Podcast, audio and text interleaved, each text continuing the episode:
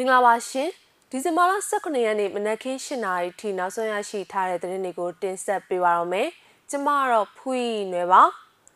လေးကိတ်ကော်မြို့တစ်ကိုစစ်တလင်းပြင်ဖြစ်အောင်မလုပ်ကြဖို့နှစ်ဖက်စလုံးကို KNU တပ်မဟာ6ဥက္ကဋ္ဌကမြစ်တာရက်ခံလိုက်ပါတယ်။ကြားပြည်နယ်မှာ KA KNDF နဲ့အာဏာသိမ်းစစ်ကောင်စီတပ်တို့တိုက်ပွဲနှစ်ကြိမ်အတွင်းနှစ်ဖက်သေဆုံးထိခိုက်မှုရှိခဲ့ပါတယ်။စကိုင်းတိုင်းမွန်ရွာခရိုင်အမြင့်မြို့ဟောင်းမှာတနက်နေ့ပြစ်ခတ်မှုကြောင့် ရဲတပ်သားနဲ့လူငယ်တဦးသေဆုံးခဲ့တဲ့သတင်းတွေအပါအဝင်မန္တလေးမြို့ရင်ထင်းရဲကင်းပောက်ကွဲမှုမှာဆွဆွဲဖမ်းဆီးခံရသူတွေအခုချိန်ထိအဆက်အသွယ်မရသေးဘူးဆိုတဲ့သတင်းတွေကိုတင်ဆက်ပေးဖို့ရှိပါတယ်။မြောက်ရီမြို့တောင်ဘက်ရှိငိမ့်ချမ်းရေးအထိတ်အမှတ်၄ကိကော်မြို့တစ်ကိုစစ်တလင်းပြင်ဖြစ်အောင်မလုပ်ကြဖို့ကရင်မျိုးသားလူမျိုးရေးတပ်မတော် KNL နဲ့အာဏာသိမ်းစစ်ကောင်စီတပ်တွေကို KNU တပ်မဟာ6ဥက္ကဋ္ဌဘရိုရှင်မောင်းက ဒီဇင်ဘာလ16ရက်မှာမြစ်တာရက်ခံလိုက်ပါတယ်။လေးကိကော်တိုက်ပွဲနဲ့ဆက်ဆက်ပြီးကရင်မျိုးသားလူမျိုးရေးတပ်မတော် KNL နဲ့အာဏာသိမ်းစစ်ကောင်စီတပ်တွေကို KNU တပ်မဟာ6ဥက္ကဋ္ဌဘရိုရှင်မောင်းကဒီဇင်ဘာလ16ရက်မှာသူ့ရဲ့လူမှုကွန်ရက်စာမျက်နှာကနေတစ်စစ်မြစ်တာရက်ခံကြောင်းစာကိုထုတ်ပြန်ခဲ့တာပါ။အဲ့ဒီစာမှာလက်နက်ကင်ဆောင်ထားသူတွေတပ်မတော်သားတွေအားလုံးလို့ပါရှိပြီးပြည်သူလူထုအကျိုးပြုသောကာကွယ်စောင့်ရှောက်သူတွေပြည်သားစွာ လက်နက်မဲ့ပြည်သူတွေအပေါ်စာနာတနာငဲ့ညာတဲ့အနေနဲ့ခုကိုရမဲ့ဖြစ်နေကြတဲ့ပြည်သူလူထုရဲ့နေထိုင်ရာကိုစစ်တလင်းမြေမဖြစ်စေလိုကြောင်းပြောထားပါတယ်။စစ်ပွဲလိုလားသူပြဿနာကိုလက်နက်ကင်နီးလန်းနဲ့အပြေရှာလိုကြသူတွေရဲ့ပြဿနာရှင်းလင်းခြင်းကြောင့်လေးကိတ်ကောင်မြို့တစ်လေးအကြီးတန်းအယုတ်ဆိုးအခြေအနေကိုဝမ်းနည်းပွဲတွေ့ရပြီးဖြစ်တယ်လို့လည်းအဲ့ဒီစာမှာပါရှိပါတယ်။လေးကိတ်ကောင်တိုက်ပွဲကြောင့်လက်ရှိတိမ်းရှောင်နေရတဲ့စစ်ဘေးဒဏ်ရှောင်ပြည်သူတွေဟာမိမိတို့ရဲ့ခေါင်းဆောင်မှုအောက်မှာ စူးစီးညီညွတ်စွာစီကံရှိရှိတဦးကိုတဦးအပြန်အလှန်ကူညီဖိမပေးကြဖို့လဲဘရူရှင်မောင်းကမေတ္တာရက်ခံထားပါတယ်။ကရင်ပြည်နယ်မြောက်ရီမြို့တောင်ဘက်ရှိငင်းချင်းရေးအထိတ်အမှတ်ဖြစ်တည်ထောင်ထားတဲ့လေးကိတ်ကော်မြို့တင်မှာလာရောက်ခိုလုံနေသူတွေကိုအာဏာသိမ်းစစ်ကောင်စီတပ်ကအင်အားသုံးဝင်ရောက်ဖမ်းဆီးမှုကြောင့်ဒီဇင်ဘာလ15ရက်မနက်ပိုင်းကစတင်ပြီးနယ်မြေကန် KNL ပူးပေါင်းတပ်ဖွဲ့ဝင်တွေနဲ့စစ်တပ်တို့အကြားတိုက်ပွဲဖြစ်ပွားနေခဲ့တာပါ။တိုက်ပွဲကြောင့်လက်ရှိစစ်ဘေးဒုက္ခသည်3000ကျော် ဘေးလွတ်ရာကိုထွက်ပြေးတိမ်းရှောင်နေကြရပြီးတောင်ရင်မြစ်ကိုဖျက်ပြီးထိုင်းနိုင်ငံဘက်ခြမ်းကိုထွက်ပြေးခိုလုံလာတဲ့စစ်ဘေးဒုက္ခသည်ဥယေတထောင်ဝန်းကျင်ရှိတယ်လို့ကုညီကယ်ဆယ်လုတ်ကင်နေသူတွေကပြောပါတယ်။ကြားပြည်နယ်မှာကင်းနီတက်မတော် KA ကင်းနီအမျိုးသားများကာကွယ်ရေးတပ် KNDF တို့နဲ့အာဏာသိမ်းစစ်ကောင်စီတပ်တွေအကြားဒီဇင်ဘာလ16ရက်ကတိုက်ပွဲနှစ်ကြိမ်ဖြစ်ပွားခဲ့ပြီးနှစ်ဖက်သေဆုံးထိခိုက်ဒဏ်ရာရမှုရှိခဲ့တယ်လို့ KNDF ကထုတ်ပြန်လိုက်ပါတယ်။ ဒီဇင်ဘာလ16ရက်မနက်9:00နာရီမှာတိုက်ပွဲတစ်ကြိမ်မနက်10:00နာရီ15မိနစ်မှာတစ်ကြိမ်ဖြစ်ပွားခဲ့ရမှာတိုက်ပွဲနှစ်ကြိမ်အတွင်းစစ်ကောင်စီတပ်ဘက်က9ဦးသေဆုံး9ဦးဒဏ်ရာရခဲ့ပြီး KAKNDF ဘက်က2ဦးဒဏ်ရာရ2ဦးကြဆုံးခဲ့တယ်လို့ဆိုပါတယ်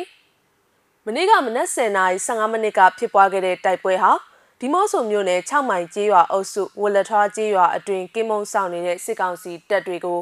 ကင်းနီတပ်မတော် KA နဲ့ကင်းနီအမျိုးသားများကာကွယ်ရေးတပ် KNDF တို့ကတိုက်ခိုက်ရာကနေဖြစ်ပွားခဲ့တာပါမိနစ်20ဝန်းကျင်ကြာတိုက်ပွဲအတွင်းစစ်ကောင်စီတပ်သား4ဦးသေဆုံး5ဦးဒဏ်ရာရခဲ့ပြီး KA KNDF ဘက်ကရဲဘော်2ဦးလက်နက်ကြီးစထိမှန်ဒဏ်ရာရခဲ့တယ်လို့ KNDF ကထုတ်ပြန်ပါတယ်မနက်9နာရီကဖြစ်ပွားခဲ့တဲ့တိုက်ပွဲကတော့လိုက်ကော်မြို့နယ်လွိုင်းလင်းလေးအရှိတ်ကနန်းကွယ်ရွာနဲ့ရေကန်ရွာအကြားမှာစစ်ကြောင်းထိုးလာတဲ့စစ်ကောင်စီတပ်တွေကို KNI တပ်မတော် KA နဲ့ KNDF တို့ခုခံတိုက်ခိုက်ခဲ့ရာကနေတိုက်ပွဲပြင်းထန်ခဲ့တာဖြစ်ပါတယ်။၃နိုင်ဝန်းကျင်ကြာတိုက်ပွဲအတွင်းစစ်ကောင်စီတပ်သား3ဦးသေဆုံး4ဦးဒဏ်ရာရခဲ့ပြီး KNI တပ်မတော် KA ကရဲဘော်တူလည်းကြဆုံးခဲ့တယ်လို့ KNDF ကဆိုပါတယ်။အကြမ်းဖက်စစ်ကောင်စီတပ်တွေကိုခုခံတိုက်ခိုက်ရင်းကြဆုံးသွားတဲ့ရဲဘော်ကိုအမျိုးသားအာဇာနည်သူရဲကောင်းအဖြစ်အလေးပြုသမိုင်းမှတ်တမ်းတင်ကြောင်းနဲ့တော်လှန်ရေးအတွင်းကြဆုံးသွားတဲ့ရဲဘော်တွေအားလုံးနဲ့ပြည်သူတွေရဲ့ပေးဆက်မှုကိုအောက်မေ့ပြီး KNDF အနေနဲ့စစ်အာဏာရှင်စနစ်အမြင့်ပြတ်တဲ့အထိတိုက်ပွဲဝင်သွားမှာဖြစ်ကြောင်းသစ္စာပြုထုတ်ပြန်အပ်တယ်လို့လည်းပါရှိပါတယ်။စကိုင်းတိုင်းမုံရွာခရိုင်အမြင့်တိုက်နယ်အမြင့်မြို့ဟောင်းမှာဒီဇင်ဘာလ16ရက်မနက်ပိုင်းကလက်တောက်ခုံတောက်နေတဲ့ရဲတပ်သားနဲ့လူငယ်တဦးတနက်နဲ့ပြစ်ခတ်ခံရလို့တေဆုံးသွားတယ်လို့ဒေသခံတွေထံကနေသိရပါတယ်။ဆိုင်ကယ်နဲ့လူနှစ်ယောက်ကလာပြီးပြစ်သွားတာပါ။ရဲကတော့ပွဲချင်းပြီးပဲကောင်လေးကိုတော့ဆေးရုံခေါ်သွားကြတယ်။အဲ့ဒီမှာဆုံးတာတယ်လို့ ဒေသခံတဦးကပြောပါတယ်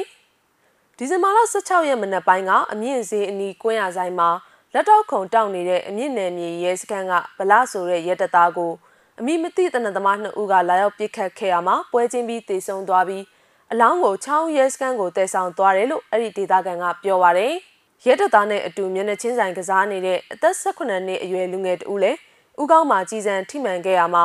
မုံရွာပြည်သူစေုံကြီးကိုခေါ်ဆောင်ကုသခဲ့ပေမဲ့ဒဏ်ရာပြင်းထန်တာကြောင့်ညနေ3နာရီဝန်းကျင်မှာတေဆုံးသွားတယ်လို့ဆိုပါရယ်တေဆုံးတဲ့ရဲတပ်သားဟာအင်အား20ဝန်းကျင်ရှိတဲ့အမြင့်မြို့ဟောင်းရဲစခန်းကဖြစ်ပြီးလက်တလောရဲတွေအပြောင်းအရွှေ့များတဲ့အတွက်သူ့အကြောင်းကိုတော့တေချာစွာမသိရဘူးလို့ဒေသခံကပြောပါတယ်။မန္တလေးမြို့ချမ်းမြတာစီမြို့နယ်တိတ်ပန်လန်မီပွိုင်းအနီးရှိရင်ထင်းရဲကင်းပောက်ကွဲမှုနဲ့ဆက်ဆက်ပြီး ဒီဇင်ဘာလ16ရက်မနက်ပိုင်းမှာစစ်ကောင်စီရဲ့ဆွဆွဲဖမ်းဆီးခံလိုက်ရသူတွေညနေပိုင်းအထိအဆက်အသွယ်မရသေးဘူးလို့မိသားစုဝင်တွေကပြောပါရယ်။မနေ့ကမနက်9နာရီကျော်မှာတိတ်ပန်လန်မီပွိုင်းအနီးရှိရင်ထင်းရဲကင်းပောက်ကွဲမှုဖြစ်ခဲ့အပြီးစစ်ကောင်စီလက်နက်ကင်တွေအဲ့ဒီနေရာကိုရောက်ရှိလာပြီးလမ်းသွားလမ်းလာတွေကိုတားဆီးစစ်ဆေးတာရိုက်နှက်ဖမ်းဆီးတာတွေပြုလုပ်ခဲ့တာကြောင့်ဆိုင်ကယ်စီးလာတဲ့လူငယ်9ဦးထပ်မံရိုက်နှက်ဖမ်းဆီးခံခဲ့ရပါတယ်။ဘယ်ခေါ်သွားမှမသိဘူး။ဗမာစုံစမ်းရမလဲလည်းမသိပါဘူး။ မနက်ကလေးကဖမ်းခေါ်သွားတာအခုထိကလေးကပြန်မရောက်သေးပါဘူး။သူတငယ်ချင်းပြောတာတော့ခေါင်းမှာလည်းတန်ရာရထားတယ်လို့ပြောတယ်။တငယ်ချင်းနှစ်ယောက်အလုပ်အတူသွားကြတာကျမကလေးကရိုက်နှက်ဖမ်းဆီးခံလိုက်ရတယ်လို့ဖမ်းဆီးခံရတဲ့လူငယ်တဦးရဲ့မိခင်ကပြောပါတယ်။ပောက်ကွဲမှုဟာချိန်ကိုက်မိုင်းပောက်ကွဲတာဖြစ်ပြီးအရသားတအုပ်တန်ရာရရှိပြီးစစ်ကောင်စီဘက်ကထိခိုက်မှုမရှိဘူးလို့လည်းသတင်းရင်းမြစ်တူကပြောပါရယ်ပောက်ကွဲပြီးရဲတွေရောစစ်သားတွေရောအရက်ဝက်လက်နက်ကင်တွေရောရောက်လာတယ်အဲ့ဒီမှာသူတို့ကအတန်မုံတွေထက်ခွဲတယ် အဲ့ဒီမှာလူတွေကကစင်းကလေးအားဖြစ်ကုန်တော့သူတို့ကနီးရလူကိုရိုက်တော့တာပါပဲတချို့ဒဏ်ရာတွေနဲ့ကလေးတွေကားပေါ်ပြစ်တင်ပြီးခေါ်သွားခံရတယ်လို့မျက်မြင်တူကပြောပါရယ်စစ်ကောင်စီဟာအခုရက်ပိုင်းအတွင်းမန္တလေးမြို့မှာဆိုင်ကယ်စီးလူငယ်တွေကိုအကြောင်းမဲ့ရိုက်နှက်စစ်ဆေးတာနဲ့ဖမ်းဆီးတာငွေညစ်တာတွေကိုပြုလုပ်နေတယ်လို့ဒေသခံတွေကပြောပါရယ်။မဇ္ဈိမ TV ရဲ့နောက်ဆုံးရသတင်းတွေကိုတင်ဆက်ပေးကြတာပါ။စောင့်မျှော်ကြည့်ရှုခဲ့ကြတဲ့ပရိသတ်တွေအားလုံးကိုကျေးဇူးအထူးပဲတင်ရှိပါရရှင်။